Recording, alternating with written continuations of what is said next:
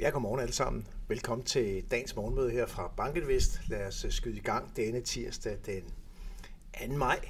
Øh, det var jo 1. maj i går, det vil sige, der var ikke øh, de helt store bevægelser. Der var mange markeder, der var lukket.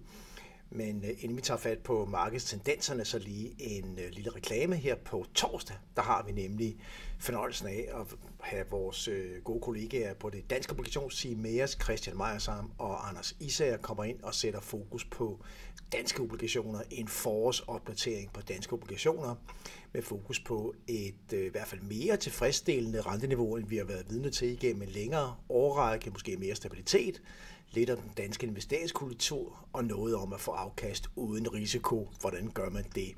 Så vær endelig med her på torsdag, hvor vores danske obligationsteam er med os her på morgenmødet. Og med det tilbage til markedet. Øh, som sagt, øh, ja, 1. maj lukket i mange markeder, men i USA så har vi åbning. Og, øh, og det vi ser, det er et amerikansk aktieindeks S&P 500, der falder ganske, ganske marginalt. 0% står der her i tabellen på side 3. Vi falder 0,04%. Der sker lidt nede under overfladen. Vi har en lille defensiv tilt. Øh, MSCI US Defensive outperformer cyclicals en lille smule, men det er altså ikke de store øh, hverken faktor- eller sektorrotationer, øh, vi ser på, på markedet i USA i går. Vi har også det europæiske Stocks 600-indeks i gang, og det lukker op med 0,1 procent, lidt mere, øh, ja, lidt, lidt, lidt større plus øh, på, øh, på den europæiske front, men stadigvæk med meget, meget små øh, bevægelser. Øh, der var altså ikke mindst, jeg vil ikke sige drama, men i hvert fald fokus på den regionale banksektor i går i USA, fordi det der jo var den store nyhed, det var, at First Republic, den her større regionale bank, ja, den er altså øh, færdig, og øh, nu bliver hovedparten af bankens øh, aktiviteter overtaget af JP Morgan med myndighedernes mellemkomst til FDIC, som er med ind over der.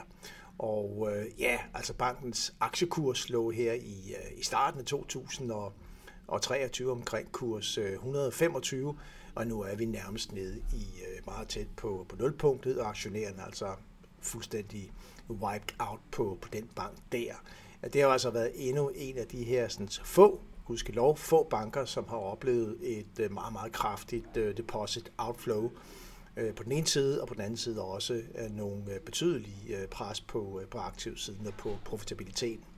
Så øh, den kommer altså her i kølvandet på øh, Silicon Valley Bank, på, øh, på Silver Bank, på, på Signet, og øh, Signature Bank, vil jeg mærke, og, og det er klart, at, at folk spørger sig jo, om, om det her er et symptom på en, en, en større ubalance i, i banksektoren som helhed. Øh, Øh, det er, rigtig øh, manges vurdering, at det ikke er en form for systemisk krise, vi, øh, vi har gang i, og det er bestemt også vores vurdering, at det ikke er tilfældet.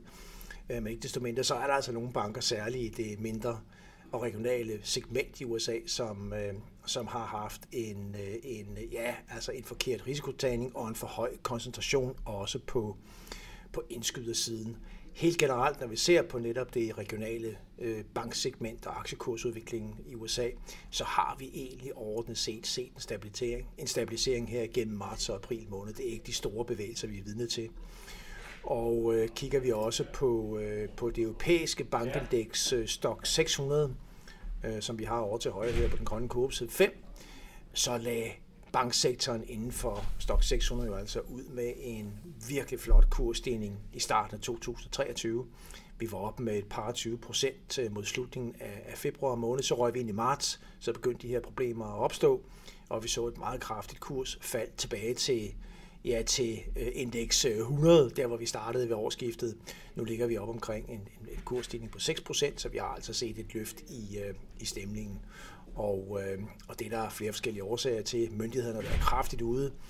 Vi har heller ikke set øh, flere øh, specifikke banker øh, på den europæiske side, der har været ude med, med større øh, problemer. Heller ikke i Asien er vi vidne til det. Og, øh, og så har vi også set øh, i relation til hele problematikken omkring de her stærkt subordinerede obligationer, de såkaldte øh, Additional Tier 1 obligationer, der har vi jo set øh, den første bank, nemlig UBS, være ude og øh, kalde sin obligation på øh, den dato, som call-optionen i obligationsstrukturen har. Det skete her for nylig, og det er altså også med til at skabe en vis ro, så vi ser faktisk kurserne på AT1-obligationerne også tigger opad. Men der var i hvert fald fokus på First Republic, der nu er en saga blot i, øh, i USA i går. Og så var der også lidt bevægelser på rentesiden. Vi ser den øh, 10-årige øh, amerikanske rente stige øh, ganske pænt øh, fra godt 3,40 til 3,55. 3,57 lukker vi i USA i går. Så øh, tydelig løft i renten, og det øh, hang nok sammen med, at vi fik øh, en bedre end ventet ISM-rapport, og vi fik også en inflationskomponent i ISM-rapporten, der desværre trak, øh, trak, trak lidt vel meget opad. Det kommer vi lige tilbage til. Så det er et løft i renten, og det ser vi altså også øh, som en bevægelse forud for det rigtig vigtige øh, fedtmøde, som vi har i morgen. Tyskland og hele øh, obligationsmarkedet i Europa var stort set lukket, så der skete ikke så meget på den front. Der ligger vi senest på 2,31 procent på en 10-årig tysk øh, obligationsrente. Som sagt, fedt i morgen. Og der ligger vi altså nu med en kort rente i USA på mellem 4,75 og 5 procent, og det som markedet ligger og forventer, det er i hvert fald de fleste forventer, at vi får altså en kvart procent i renteforhøjelse, så vi kommer op på 5-5 kvart procent, og vel at mærke, at det så er rentetoppen i den her cykel, cyklus, og at vi gradvist vil se Fed begynde mod slutningen af året og ind i 24 så deltid og sætte renten ned igen. Så der er altså forventning om, at vi virkelig er ved at nå toppen på den korte rente i USA. Øh, lad os se, om det, det holder. Vi synes faktisk, at markedet er ganske færre priset på, øh, på de her niveauer. Vi syntes, da vi lå tilbage i februar og start marts, at markedet havde priset en for høj kort rente i USA. Øh, vi ligger mere fair priset på, på nuværende tidspunkt i vores optik, og det er vel rimelig plausibelt, at Fed sætter renten op med en kvart procent i morgen, og så signalerer stabilitet, stabilitet derfra. ECB torsdag der ligger markedet også nu og forventer lige godt 25 basispunkter på den korte rente. Øh, vi ligger senest på 3% her øh, på ECB-renten, og altså så regner man med, at vi skal op på, på 3,25%. Der er få, der regner med, at vi får en halv procent. Det vil ikke være vores kald, at vi får en halv procent her på, på torsdag. En kvart procent er også sandsynligt fra ECB's øh, side.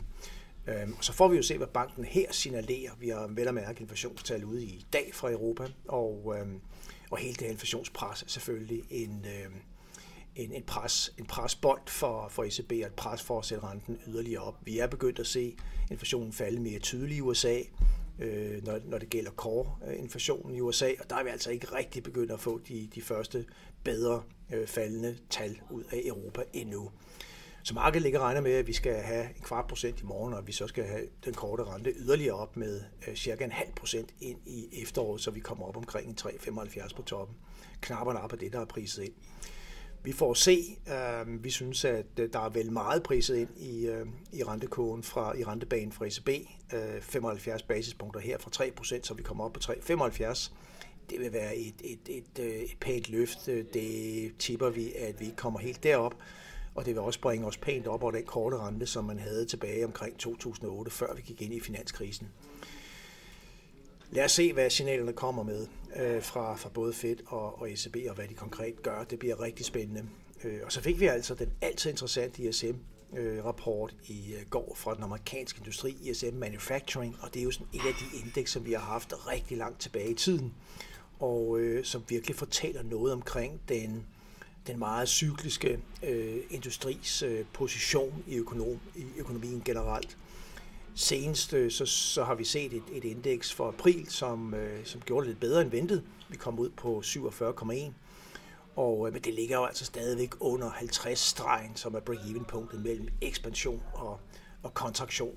Så, så ordnet set, så er signalet stadigvæk øh, øh, svagt for, for industrien. Det er egentlig et niveau, som normalt vil være karakteriseret med en, en generel recession i, øh, i, økonom, i økonomien. Vi er i hvert fald ikke, tæt, vi er ikke langt fra det.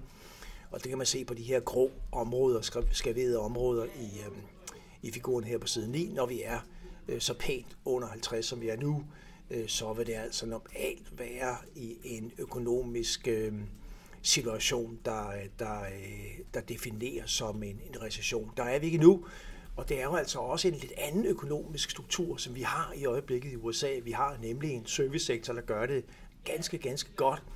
Og, øh, og vi har også et, øh, et meget asynkront forløb mellem øh, verdens største økonomi, øh, USA, og verdens næststørste økonomi, nemlig Kina, som, som viser generelt fremgang på, øh, på nuværende tidspunkt.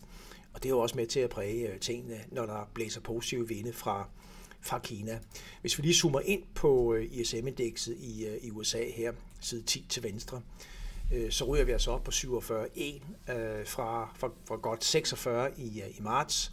Og det er jo et lille tik op, men det er et tik i den rigtige retning, og det bekræfter også den seneste bevægelse, vi fik i PMI-indekset for den amerikanske industri. Det er jo et andet af de hovedindeks, vi får fra både industrien og fra servicesektoren i USA.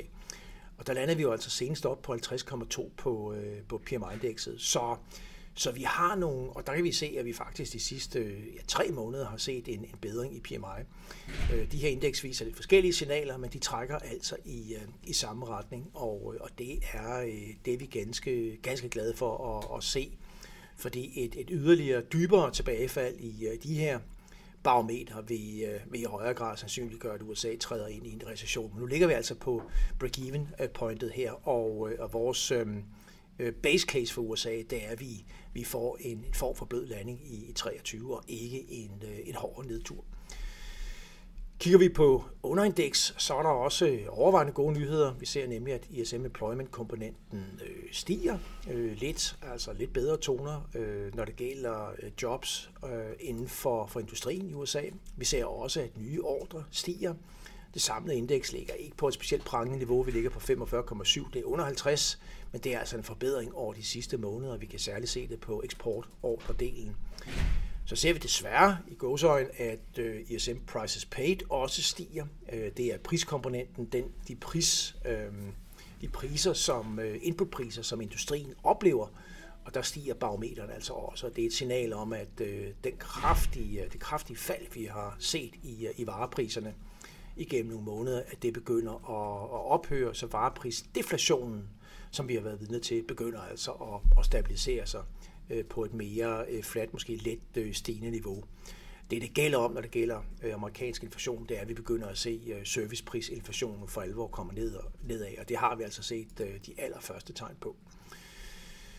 Så der er meget, man kan læse ud af den her ISM-rapport, men det overordnede signal det er, at det går ikke helt så dårligt, som man havde forventet inden for den amerikanske industri. Her til morgen, der ligger vi stort set fladt på S&P 500 Futures, tilbage med ja, 0,05 procent. DAX øh, stiger til gengæld lidt 0,1 procent. Øh, så har vi en 10 amerikansk rente, der er faldet på basispunkter i forhold til lukningen i USA i, uh, i går. Uh, kommer nok ikke til at ske de helt store bevægelser, før vi uh, kommer hen over Fed-mødet i, i morgen.